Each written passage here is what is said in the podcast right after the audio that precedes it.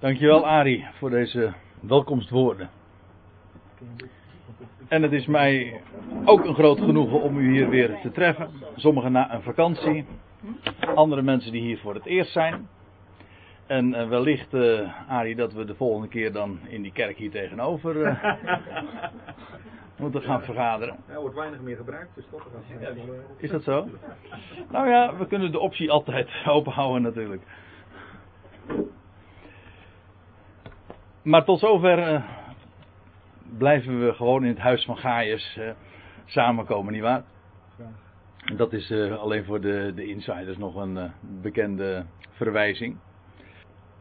Laten wij beginnen met de studie. En de vorige keer, niet iedereen was daarbij natuurlijk, toen waren we juist met wat minder mensen. Maar toen hebben we het gehad over 1 Korinthe 8. En dat gaat over het eten van offervlees. Zo staat het in mijn NBG-vertaling er ook boven. En de vraag daarbij was, misschien kan ik dat nog eventjes heel kort samenvatten het vlees dat daar in de vleeshal verkocht werd, dat was eerst aan de afgoden gewijd. En dat was eerst onderworpen geweest aan allerlei afgodische, echt ook gruwelijke rituelen. De vraag was daar in Korinthe, kunnen wij als gelovigen, die niks met afgoden van doen hebben, wel dat vlees eten? Is dat niet een soort compromis met de afgodendienst? Nou, en Paulus' antwoord daar is in eerste instantie volkomen duidelijk. Hij zal dat trouwens in hoofdstuk 10, maar dat, daar komen we later uiteraard nog over te spreken, nog uh, toelichten. Maar zijn eerste antwoord is natuurlijk, wij zijn bevoegd daartoe. En ik geef meteen maar even een antwoord uit hoofdstuk 10. Dan zegt hij van, de aarde is des heren en haar volheid. Dus al wat er in de vleeshal te koop is, koop dat zonder navraag te doen uit gewetensbezwaar. Nou, dat wat hij in hoofdstuk 8 had geformuleerd, kwam daar uh, feitelijk ook al op neer. Dus de vraag, kunnen we dat eten? Jazeker, dat is geen enkel punt. Maar er zijn andere factoren die ook een rol spelen. Hij vangt niet voor niks het achtste hoofdstuk aan met de, woorden van uh, dat wij alle kennis bezitten. Maar dan zegt hij, die kennis aan zich alleen maakt opgeblazen, maar de liefde sticht.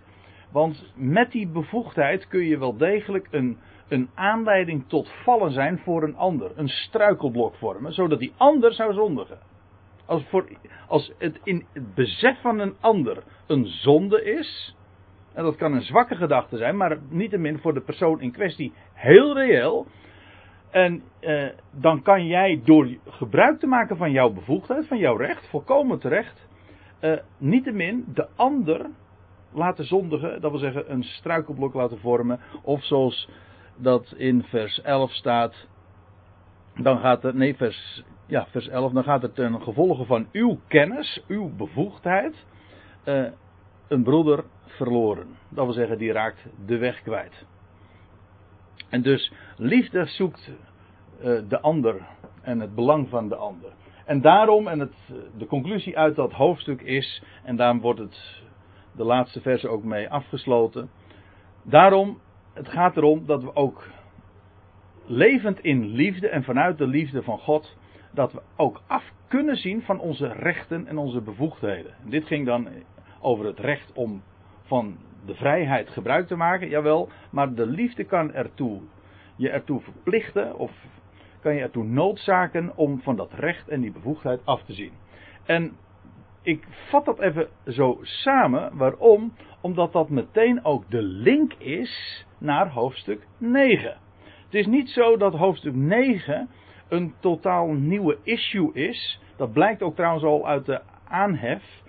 Kijk, in hoofdstuk 7 dan zie je aan het begin dat hij zegt van nou, ik, begin nu, ik ga nu spreken over, over het huwelijk. Wat nu het, uh, wat nu het huwelijk betreft. Nou, en een heel hoofdstuk spreekt hij erover. Hoofdstuk 8 begint hij ook weer met een heel andere kwestie en dat is dat eten van offervlees. Hoofdstuk 9 begint niet zo. Dat, gaat, dat borduurt voort op dat wat hij in hoofdstuk 8 had besproken. Dat zou je misschien in eerste instantie niet zo zeggen, omdat het een heel ander onderwerp is. Maar het gaat er even om dat hoofdstuk 9 een illustratie is uit Paulus' persoonlijke leven, hoe hij ook afziet van zijn eigen rechten en bevoegdheden. Daar gaat hoofdstuk 9 over. En je zou zeggen, en hoofdstuk 9 heeft ook uh, de reputatie dat het zou gaan over het supporten en het, uh, het recht op, op uh, vergoeding van, het werk, van werkers in het evangelie. Zo wordt het heel vaak gebruikt, maar dat is niet de kwestie. Het gaat erom dat Paulus gaat uitleggen in hoofdstuk 9, ik zeg het nog eens, dat hij afziet van zijn eigen bevoegdheden. En hij in de eerste 14 versen, in mijn Bijbeltje is het ook zo ingedeeld in de NBG 51. De eerste, versie, eerste 14 versen gaan over, in mijn Bijbeltje staat erboven, rechten der apostelen. En dan vervolgens, eh, vanaf vers 15, en dat is feitelijk de clue. Dus ik hoop echt ook nog uh, voorbij vers 15 te komen, want anders krijg je een beetje een scheve voorstelling van zaken. Vers, vers 1 tot en met 14 is een inleiding om zijn punt te maken, namelijk dat Paulus, u ziet het ook in het, vanaf vers 15, dat er boven staat, in de MBG-vertaling althans, en dat is een perfecte samenvatting of een mooi opschrift. Paulus maakt geen gebruik van zijn recht. Hij hij had zijn recht, maar hij maakte geen gebruik van. En dat was de clue. Ik heb wel eens een preek gehoord. Van iemand die ging uh, verdedigen dat, uh, dat, uh, ja, dat hij toch graag. Of hij of dat werkers in, in het evangelie support zouden moeten ontvangen. En dat, die hele prediking ging over vers 1 tot en met 14. En hij maakte zijn punt op zich heel correct. En toch was het helemaal uit het verband gelicht. Waarom? Omdat hij het navolgende, waar het juist nu, waar het Paulus om te doen is, dat liet hij achterwege. Zo kun je dus, zelfs door een bepaald gedeelte te behandelen, toch een, een, een mispresentatie geven van wat de apostel bedoelt. Nou, daar komen we nog wel wat gedetailleerder over te spreken. Laten we gewoon maar bij vers 1 beginnen. En dat haakt mooi aan bij wat zojuist Ari al aangaf in het gebed ook. Wij zijn vrij de boodschap van het evangelie van bevrijding. En inderdaad, die woorden van bevrijding, die werken op zijn beurt weer verslavend, dat wel, ja. Maar het is, het is zo geweldig. Het plaatst je in de vrijheid. Vrijheid van de dood. Ik bedoel, we kennen een nieuw leven. Vrijheid van, van godsdienst. Leuk hè, zoals die eh, betekenis die het eh, voor ons heeft. Tenminste, voor mij heeft het inmiddels wel die betekenis gekregen.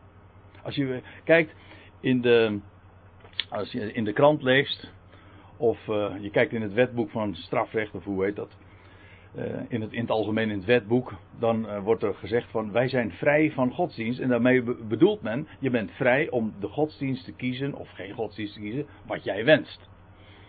Maar als wij spreken over, als gelovigen, wij zijn vrij van godsdienst, dan bedoelen we, tenminste ik wel inmiddels, we zijn vrij van godsdienstige dwang en vrij van godsdienst. Niet, niet wij dienen God of wij moeten in een goed blaadje komen bij God.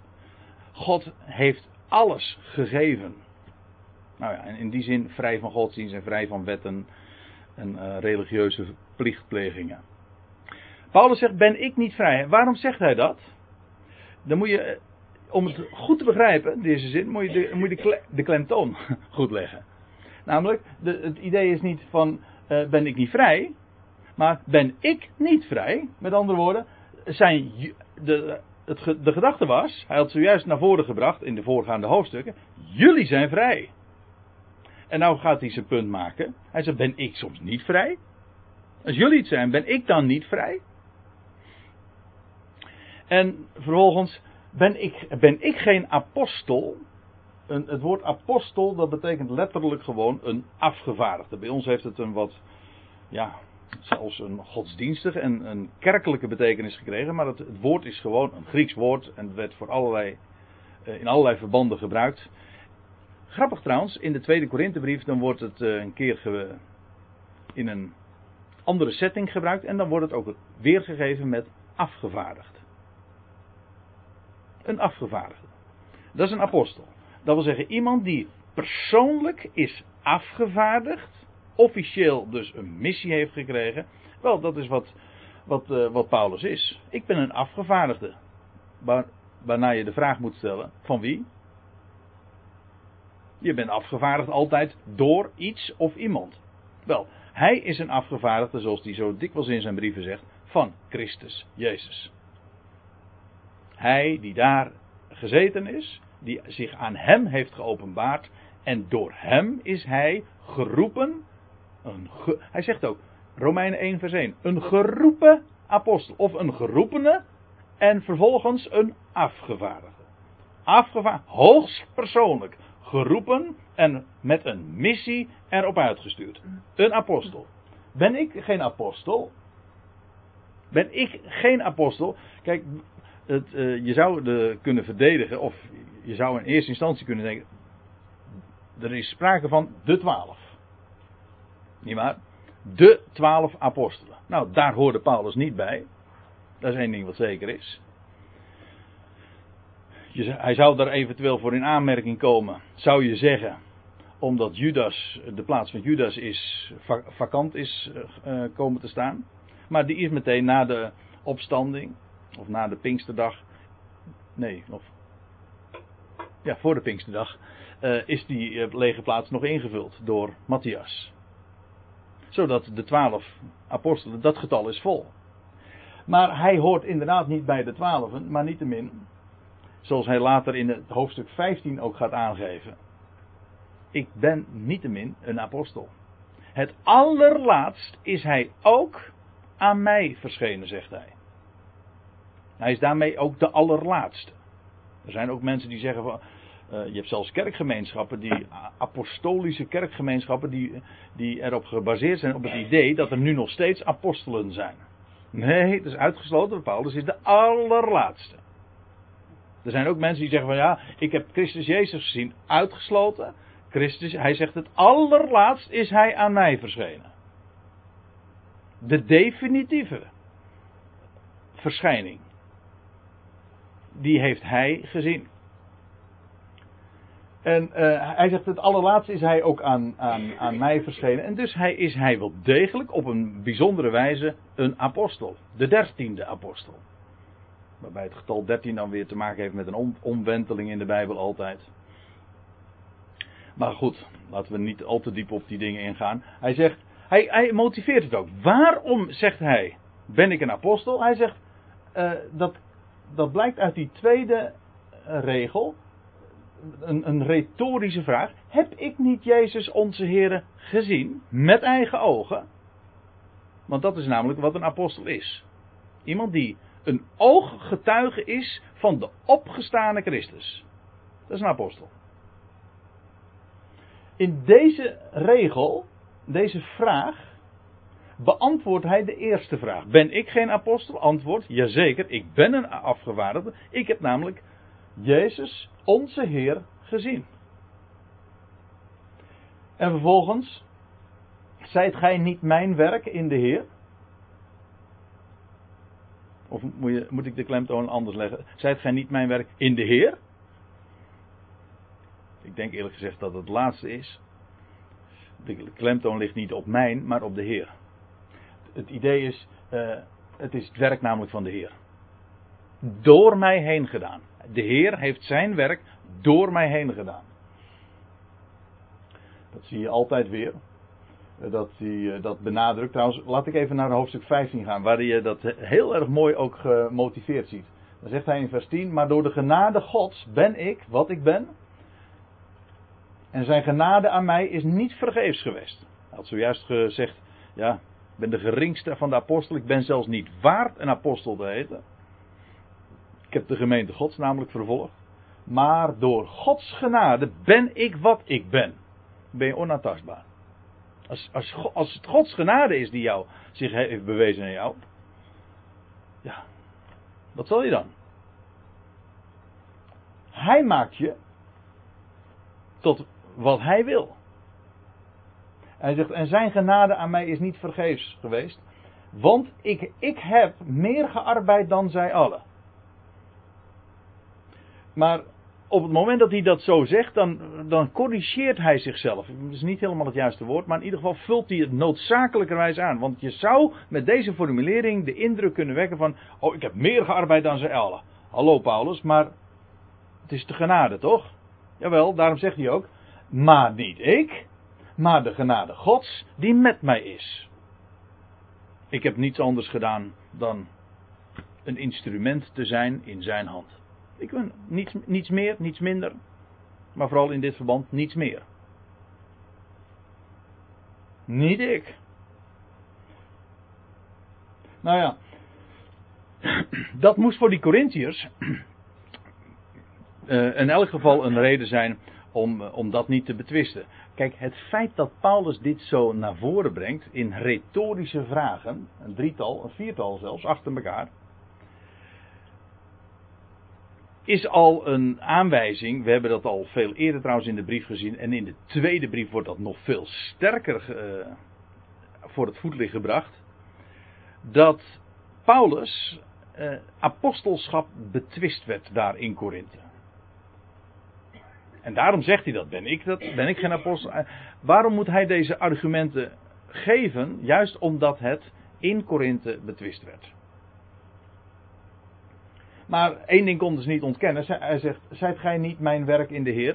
Het was namelijk, zij waren ooit als Ecclesia ontstaan. Ze waren gelovig geworden doordat hij het evangelie daar had gebracht. Dat konden ze niet ontkennen, dat is gewoon een vaststelling. Wat je daar verder ook van vindt. Dat er later arbeiders eh, gekomen zijn in datzelfde Korinthe. Toen Paulus inmiddels zijn hielen gelicht had die valse arbeiders, of in elk geval arbeiders die Paulus gezag in discrediet brachten, dat is een ander verhaal. En daar heeft Paulus mee te maken. En in deze eerste brief zie je dat sterk, maar in het, uh, of zie je al aanleidingen, bijvoorbeeld hier. Maar in de tweede brief komt dat helemaal sterk aan de, ter sprake. Goed. Vers 2 waarin hij verder toelicht en onderstreept wat hij in het eerste vers ook al had gezegd. Hij zegt: Indien ik voor anderen geen apostel, dat wil zeggen een afgevaardigde van Christus Jezus ben, hij zegt: Voor u toch zeker wel. Ja, eh, want, zegt hij, het zegel op mijn apostelschap zijt gij. Weer in de Heer, uiteraard. Jullie zelf zijn de bevestiging van het feit dat de Heer mij heeft afgevaardigd namelijk tot het werk waartoe ik dat ik verricht heb en waar jullie de vrucht van zijn. Jullie zijn zelf, jullie zijn zelf het resultaat, het zegel van mijn apostelschap. In de Heer, uiteraard. Ook daarbij weer, alle credits gaan naar hem die de uiteindelijk het werk verrichten.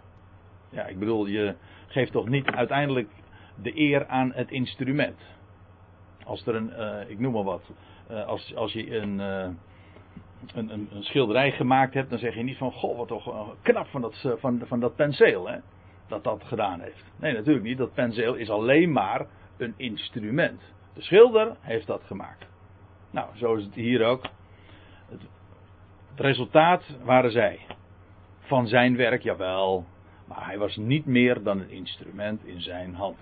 Vandaar dus dat in Heer. Het bepaalde lidwoord ontbreekt, gaat gewoon om het feit dat hij Heer is. En hem beheert. En dan zegt hij in vers 3. Ik, in de vertaling, tenminste, ja, in de MBG-vertaling wordt het eh, door de interpunctie en doordat er een, uh, hier een alinea eindigt, nee, een nieuwe alinea begint, wordt de indruk gewekt alsof vers 3 uh, eh, vooruitwijst naar de volgende versen. Ik denk niet dat dat uh, het punt is. Hij zegt, uh, dit is mijn verdediging tegen hen die zich een oordeel over mij aanmatigen. Daar verwijst hij niet naar wat hij nog gaat zeggen, maar wat hij zojuist gezegd heeft. Hij zegt, dit is mijn verdediging. Namelijk, ik ben een afgevaardigde van Christus Jezus. Jullie zijn mijn zegel. Het zegel op mijn apostelschap in de Heer. Hij zegt, dat is volstrekt duidelijk. Hij zegt, dat is mijn verdediging. Zo is het. Dat is een vaststelling. En dit is mijn defense, apologia. Apologie. In het, eh, Engels is, is het uh, apologize. Dat komt letterlijk uit, het, eh, uit, uit dit Griekse woord. Een verdediging. Ook in de zin van een verontschuldiging zelfs. Dit is mijn verdediging tegen hen die zich een oordeel over mij aanmatigen. Nou, dit is wel heel duidelijk vers ook dat aangeeft dat er in Korinthe mensen waren die Paulus' apostelschap betwisten. Duidelijker kan het niet. En dan gaat Paulus verder. Hebben wij, wij, en hij spreekt nu in, in meervoud, uh, namelijk de arbeiders. Hij heeft daar in uh, gearbeid. Barnabas ook, als ik me niet vergis. Maar in elk geval, uh, wij die in, uh, in Korinthe arbeiden, of in elk geval in het verleden, hebben wij geen bevoegdheid om te eten en te drinken. Het klinkt een beetje vreemd als je het zo zegt. Uh, maar dit noemen ze in het. Het is een stijlfiguur. In de taalkunde noemen ze dat een ellips. Of een ellips. Een, waarbij je een woord of een paar woorden weglaat. Vaak geven wij dat dan, zeker in tegenwoordige sms-taal, geven we dat weer met puntje, puntje, puntje. Je laat woorden gemakshalve weg. En die moet je er dan bij denken. In dit geval uh, hebben wij geen bevoegdheid om te eten en te drinken van anderen of op kosten van anderen. Geen bevoegdheid. Dit, uh, dat is dit woord, exousia. Volmacht, recht. We gaan gewoon verder, want hij stelt hier, hij blijft maar vragen stellen. en nou geeft hij antwoord. Nee, vers 5 is trouwens weer een retorische vraag. Hij zegt: Hebben wij geen bevoegdheid uh, om een zuster als vrouw mee te nemen? Uh, het idee hier daarbij is. Kijk, Paulus heeft bij, bij, heel wat, bij meerdere gelegenheden support ontvangen. Dat wil zeggen dat hij zich ook fulltime, of vrijwel fulltime, heeft kunnen wijden aan de dienst van het Evangelie. Je leest daar verschillende keren over in het boek Handelingen dat hij zich echt helemaal uh, zonder handenarbeid helemaal toelegde op het evangelie, op de prediking daarvan. Ook in de brieven zie je dat. En je leest ook dat hij support ontving van de Filippiërs. Nou ja, dat is nu even verder niet het onderwerp. Maar wat zijn algemene lijn was, is, en dat lees je ook heel dikwijls, juist ook trouwens in, in Korinthe, dat hij handenarbeid verrichten. In de, uh, bekend is dat Paulus een, een tentenmaker was. Mooi beroep dat, uh, wat helemaal past bij zijn, uh, zijn bediening natuurlijk. Het wonen in tenten, niet waar? We zijn pelgrims. Maar goed, hij was tentenmaker. Hij voorzag in zijn eigen levensonderhoud. Dat deden de andere apostelen niet. Die uh, die werden gesupport. Die leefden van wat uh, anderen die, wat anderen hen gaven. En zij leefden daar dus van. En sterker nog, Paulus was dan wel een vrijgezel, maar zij, die andere apostelen, waren nog getrouwd ook. En die werden dus nog uh, in hun werk, namen ze hun vrouw dus ook nog mee. Zodat ze, die andere apostelen, uh, niet alleen maar voor één persoon, maar voor twee personen support ontvingen. En zo zegt hij ook: hebben wij geen bevoegdheid om een zuster als vrouw mee te nemen, gelijk ook de andere apostelen? U ziet het, hè? De andere apostelen deden dat kennelijk dus allemaal. En de broeders des Heren en Kefas. Die, de broeders des Heren is een interessante in dit geval. Want we weten in ieder geval van één die Paulus ook een broeder des Heren noemt. Dat was Jacobus. Jacobus, ja. In Jacobus 1 vers 18 lees je letterlijk zo dat Paulus van Jacobus zegt hij was de broeder des Heren. Eigenlijk een halfbroer van de Heer. Namelijk dezelfde moeder, helden ze, Maria. Maar Jezus had meer eh, broers.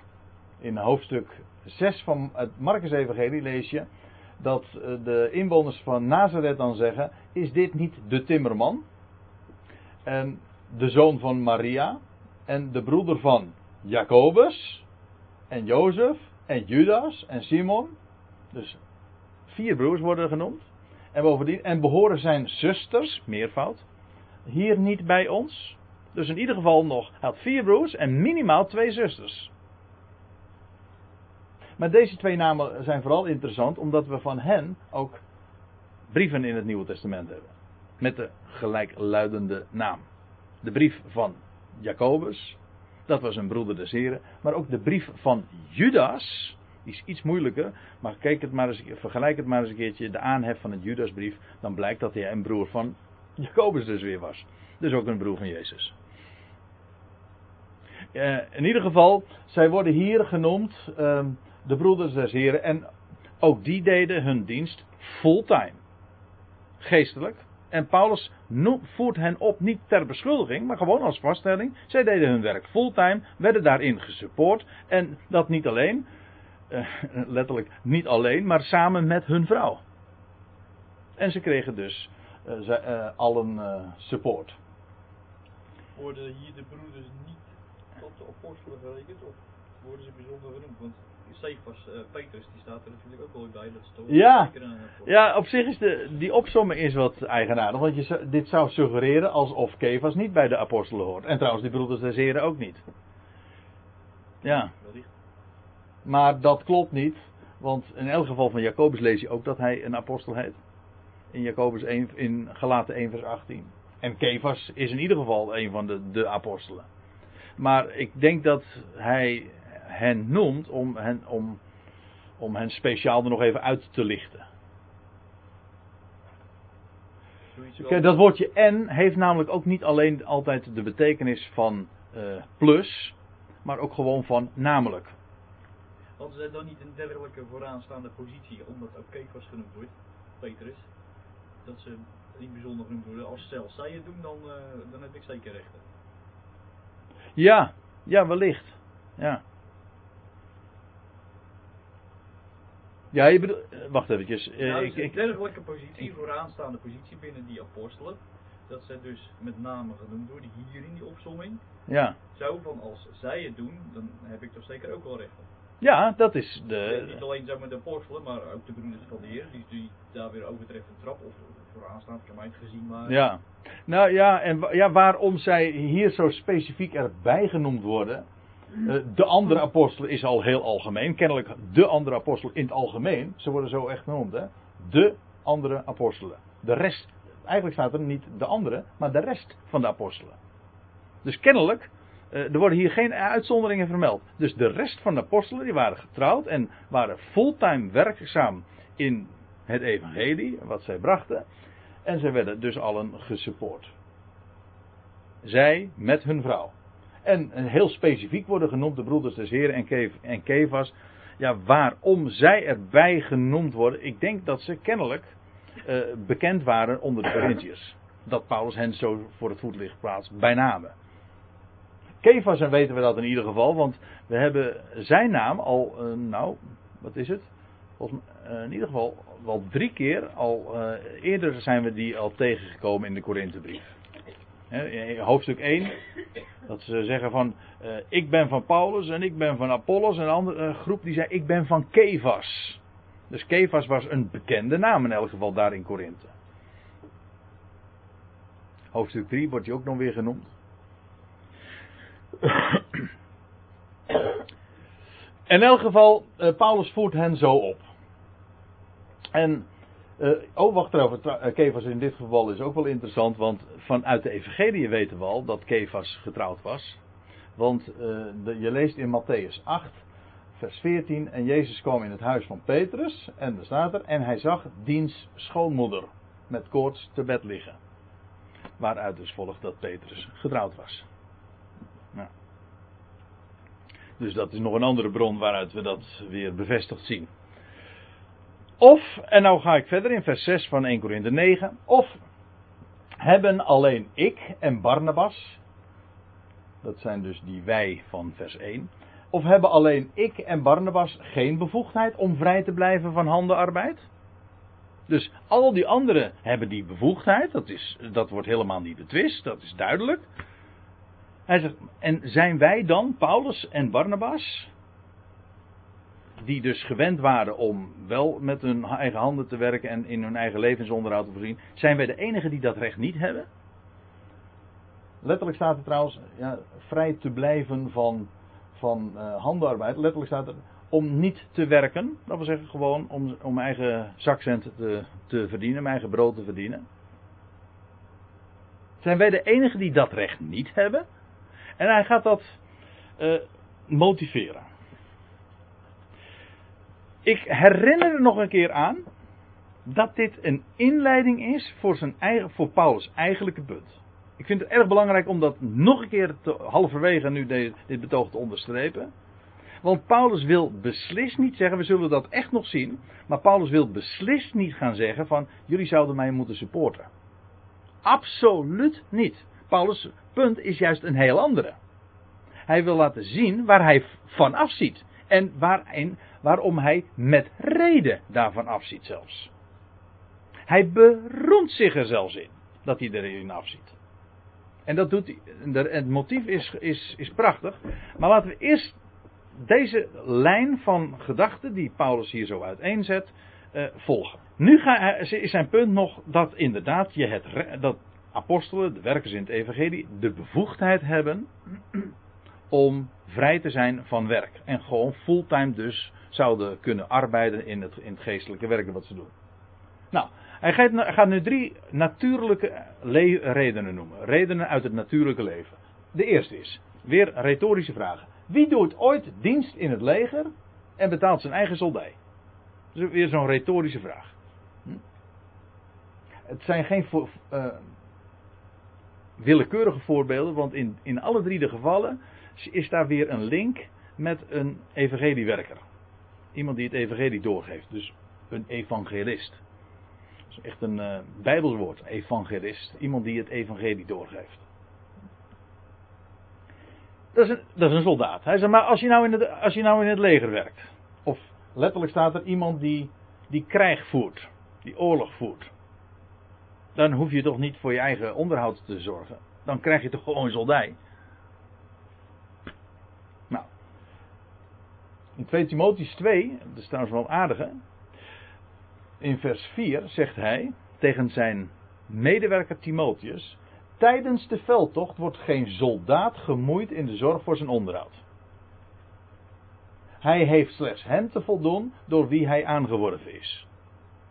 Met andere woorden, dat zou, daar zou, maak je geen, dat is wat Paulus tegen Timotheus zegt. Maak je nou geen zorgen over je levensonderhoud, want dan wordt voor gezorgd. Ik, hoor, ik las laatst een hele mooie uitspraak, ik vond het prachtig. Als God jouw visie geeft, dan zorgt Hij ook voor de provisie. Dat is ook zo. Als je geroepen bent, nou, hoef je helemaal geen zorgen te maken. Doe gewoon wat je opgedragen is en wat je moet doen. En waarvan, eh, ja, dat klinkt wat, misschien wat opgelegd, maar doe wat je geacht wordt te doen, waarvoor je geroepen bent. En dan is het God zelf die voor de middelen zorgt. Als Hij jou roept, denk je dan werkelijk dat Hij de middelen niet daar geeft. En je kunt het ook gewoon omkeren. Als hij die middelen niet geeft, trek dan gewoon je, de fatsoenlijke conclusie.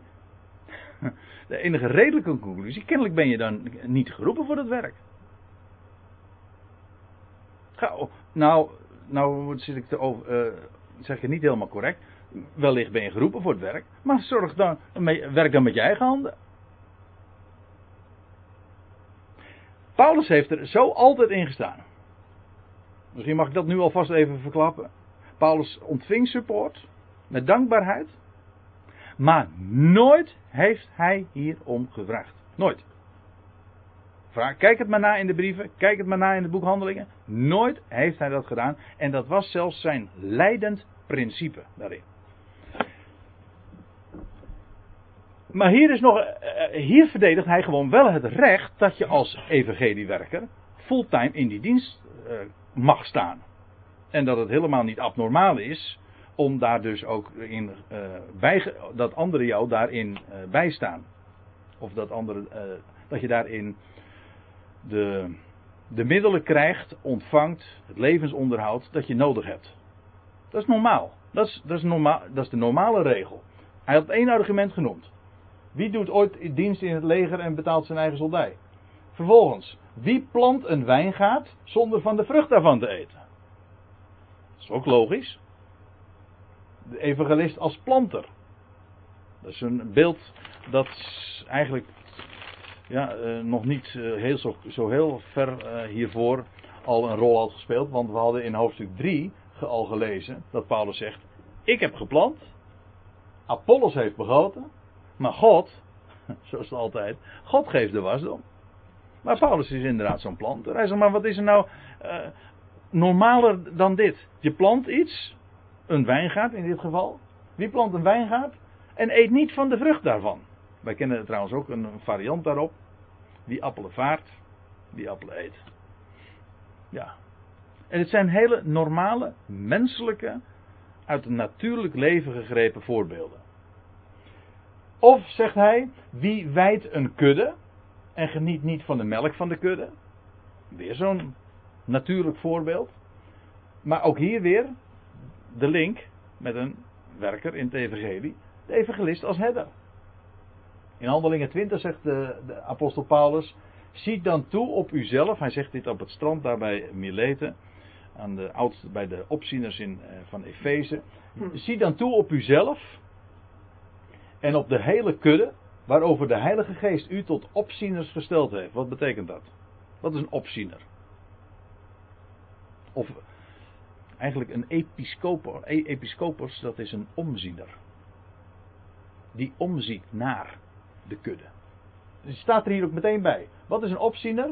Nou, dat is iemand die de gemeente Gods wijdt. En wat is de gemeente Gods wijdt? Is dat die de baas is, zo, zo is het heel vaak opgevat, hè? episcopos of een bisschop. Dat is dan de baas van een kerk. Of een ouderling, of een, ja, zoals dat dan, wat daar eh, een kerkenraadsfunctie, dat is een bestuursfunctie, dat waarbij de een uh, het te zeggen heeft over de ander. In de Bijbel is dat niet de gedachte. De Bijbel gaat het over, is een herder iemand die logischerwijs de, de kudde wijdt. Voedsel geeft. Leidt in de grazige weide van het woord van God. Nou, als je dat werk dan doet, daar zo intensief bij betrokken bent, wat is daar dan logischer van dan aan om ook werkelijk uh, door diezelfde kudde ook gevoed te worden. Of in ieder geval daardoor uh, support in, uh, vanuit te ontvangen. En dan zegt hij in vers 8: Spreek ik hier soms van menselijk standpunt naar de mens? Of spreekt ook niet de wet, de Torah, van deze dingen? Hij zegt: Ik heb nu gewoon een paar voorbeelden gegeven uit het natuurlijke leven, wie iedereen, uh, waar iedereen de vanzelfsprekendheid van zal onderkennen. Hij zegt: Maar nou gaan we eventjes naar de Torah toe, gewoon de schriften. Is, dat, is daar ook al niet zo? En dan geeft hij een, eh, een heel merkwaardig voorbeeld. Hij zegt: Want in de wet van Mozes staat geschreven. En ik kan u verklappen, dat is in Deuteronomium 25, vers 4. En dan geeft hij een citaat. Gij zult een dorsende os niet muilbanden. Ja, het is een mooi plaatje, een bewegend plaatje zelfs. Uh, van wat dorsen is. Ja, niet van wat muilbanden en wat een os is, maar van wat dorsen is. Weet u wat dorsen is? Ja, nou ja, ik heb weliswaar een agrarische achtergrond, maar dat, uh, niet uit de boerderij. Maar ja, tegenwoordig gaat het allemaal machinaal natuurlijk. Maar dorsen, dat is uh, de graankorrel van de aar ontdoen. Kijk, dit, is, uh, dit was nog echt de handenarbeid in het verleden. En dan werd erop geslagen. Hè? Met de vlegel. Met de vlegel, met de dorsvlegel. En er werd erop geslagen en dan werd de, de, de geoogste uh, aar die, daar, moest, uh, daar moest de graankorrel in vrijkomen. Nou, dat is wat dorsen is. En uh, hier gebeurt het met de hand. Maar je, met een dorsvlegel en met een os ervoor. Gebeurde dat net zo. Op, ik heb hier nog een woord genoemd in dat verband. En dat is wannen. Dorsen heeft, het, heeft eigenlijk twee fasen. Je zou kunnen zeggen dat is het dorsen dat is de, het kaf van het koren scheiden. Dat is een, uh, een, wijze van zeggen die we ook allemaal nog kennen.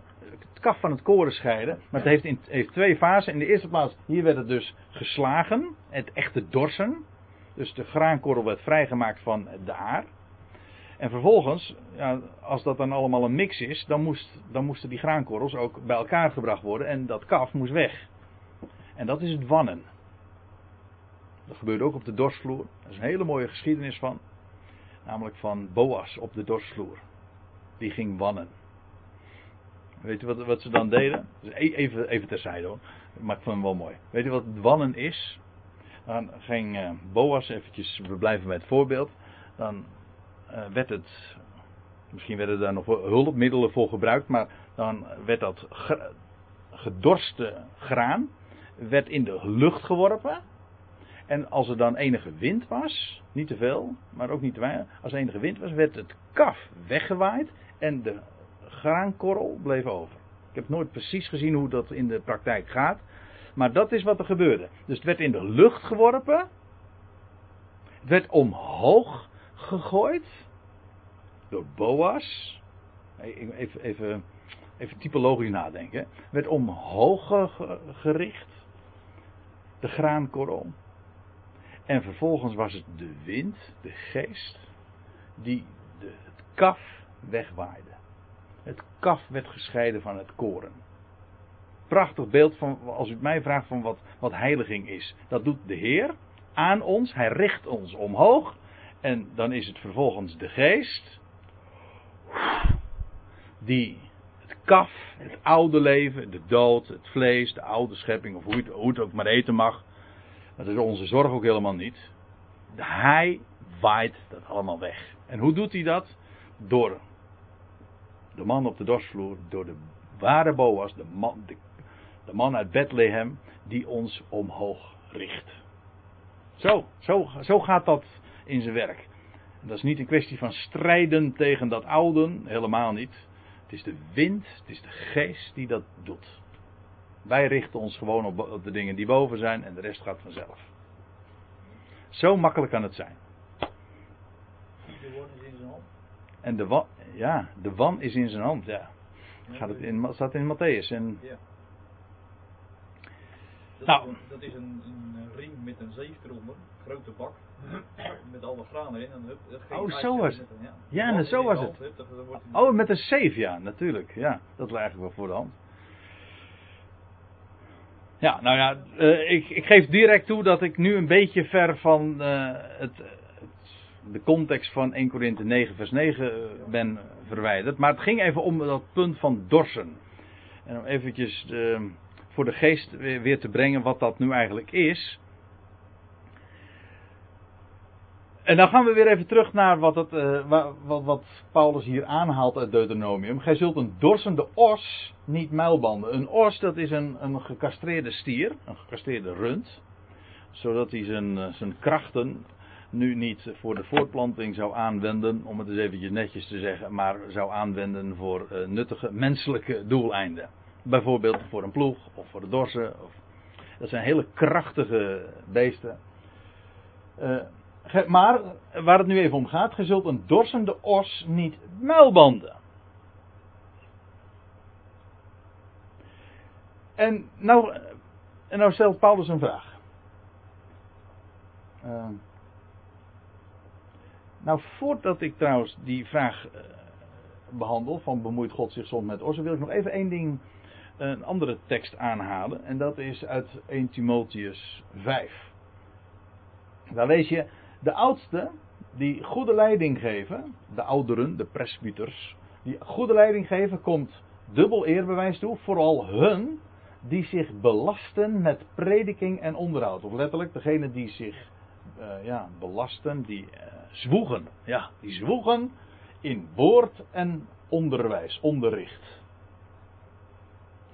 En er staat erbij, in vers 18, immers, de schrift zegt, dus Paulus haalt hetzelfde woord aan wat hij ook in de Korinthebrief dus aanhaalde. Immers, de schrift zegt, gij zult een dorsende os niet muilbanden. En de arbeider is een loon waard. Met andere woorden, eh, ook zij, zij mogen daar ook gebruik van maken. Dat is normaal. Goed, nog eventjes naar, eh, nog even, we gaan weer terug naar 1 Korinthe 9. Eh, nou zegt, stelt Paulus de retorische vraag weer, bemoeit God zich soms met, met de ossen? Vanwaar die bepaling? Bemoeit hij zich, zo, eh, zich met de ossen? Is, zorgt hij voor de ossen? Het antwoord is jazeker, natuurlijk, want het zijn ook schepselen van hem. Maar de essentie is natuurlijk veel dieper. En dat is wat Paulus eh, dan vervolgens zegt in vers 10. Of zegt hij dit in elk geval, zonder twijfel, om, in, om onzentwil? En dan is het antwoord, ja, om onzentwil werd het geschreven. Dus, natuurlijk, het is waar, hij zorgt voor de orsen. Maar dat is niet de echte reden. De echte reden is, hij schreef het om onzentwil. En, en dan voegt hij er aan toe, omdat de ploeger moet ploegen in hoop. De ploeger is in dit geval die os. Want ja, die werd voor die ploeg geplaatst. Moet ploegen in hoop, let- letterlijk staat er, die zou ploegen op verwachting. Hij, moet niet hij zou niet gemuilband worden, zodat hij niet eh, te eten kon, eh, kon krijgen, of niet zou eten of zou drinken. Nee, hij moest in vrijheid zijn arbeid kunnen verrichten, zodat hij verwachting zou hebben. Opdat de ploeger zou ploegen op verwachting. En Paulus gebruikt nu het beeld en dat waar het naar verwijst in één. Die os is gewoon een beeld van de werker. In meer speciaal van Paulus zelf ook. En die zou, die zou zijn werk kunnen doen in verwachting. En wie dorst, zou dorsen in op, letterlijk, ziet het hè, op verwachting. Om ook daaraan deel te hebben. Waarom zegt Paulus dit nu? Van, waarom haalt hij dat woord nu uit Deuteronomium aan? Dat een, een, een dorsende os niet gemuilkorf moet worden. Wel, die os, die moet zelf ook kunnen eten en drinken. En die zou deel hebben aan het werk wat hij verricht. En die zou daarin dus bijgedragen, eh, eh, daar ook eh, in gevoed worden. Dat is toch logisch? Om die os, al, al was het alleen maar omdat die, opdat die os goed zijn werk zou kunnen doen. Zorg er goed voor. En vandaar dat Paulus eh, zich, eh, dat, ook dat woord over die os eh, verwij- daarna verwijst. Omdat het ook alles te maken heeft met het werk dat hij verrichtte. Dat ook dorser is en ploegen. Soms zelfs op rotsen. Goed. En dan komen, we, in vers 11. Ik wil vers eh, 11 eh, nog even erbij betrekken. En dan kunnen we straks daar het voortzetten in vers 12. Indien wij het zijn die voor u het geestelijke gezaaid hebben. Dat is duidelijk. Zaaien, het woord brengen. Het woord dat vrucht breng- heeft gedragen. Indien wij, wij het zijn die voor u het geestelijke gezaaid hebben. Letterlijk trouwens is, staat dit in de aorist. Zaaien. Niet hebben gezaaid, maar gewoon zaaien. Ongeacht. Tijdloos. Is het dan te veel dat wij van u het stoffelijke zouden oogsten? Of het stoffelijke, letterlijk staat er het vleeselijke. Gewoon eten, drinken, levensonderhoud. Het, met, met daarbij de achterliggende gedachte. Is het geestelijke niet veel meer dan het vleeselijke? Het geestelijke hebben jullie ontvangen in, en ontvangen jullie in rijke mate. Is het dan zo vreemd dat dan het vleeselijke ook geoogd zou worden door de, door de arbeider? Ook dit is weer zo'n retorische vraag. Hij geeft zelfs niet eens het antwoord. Hij suggereert hiermee dat dit vanzelfsprekendheden zijn. Ik stel voor dat we eerst even een kopje koffie gaan drinken. Dan gaan we straks de draad oppakken bij vers 12.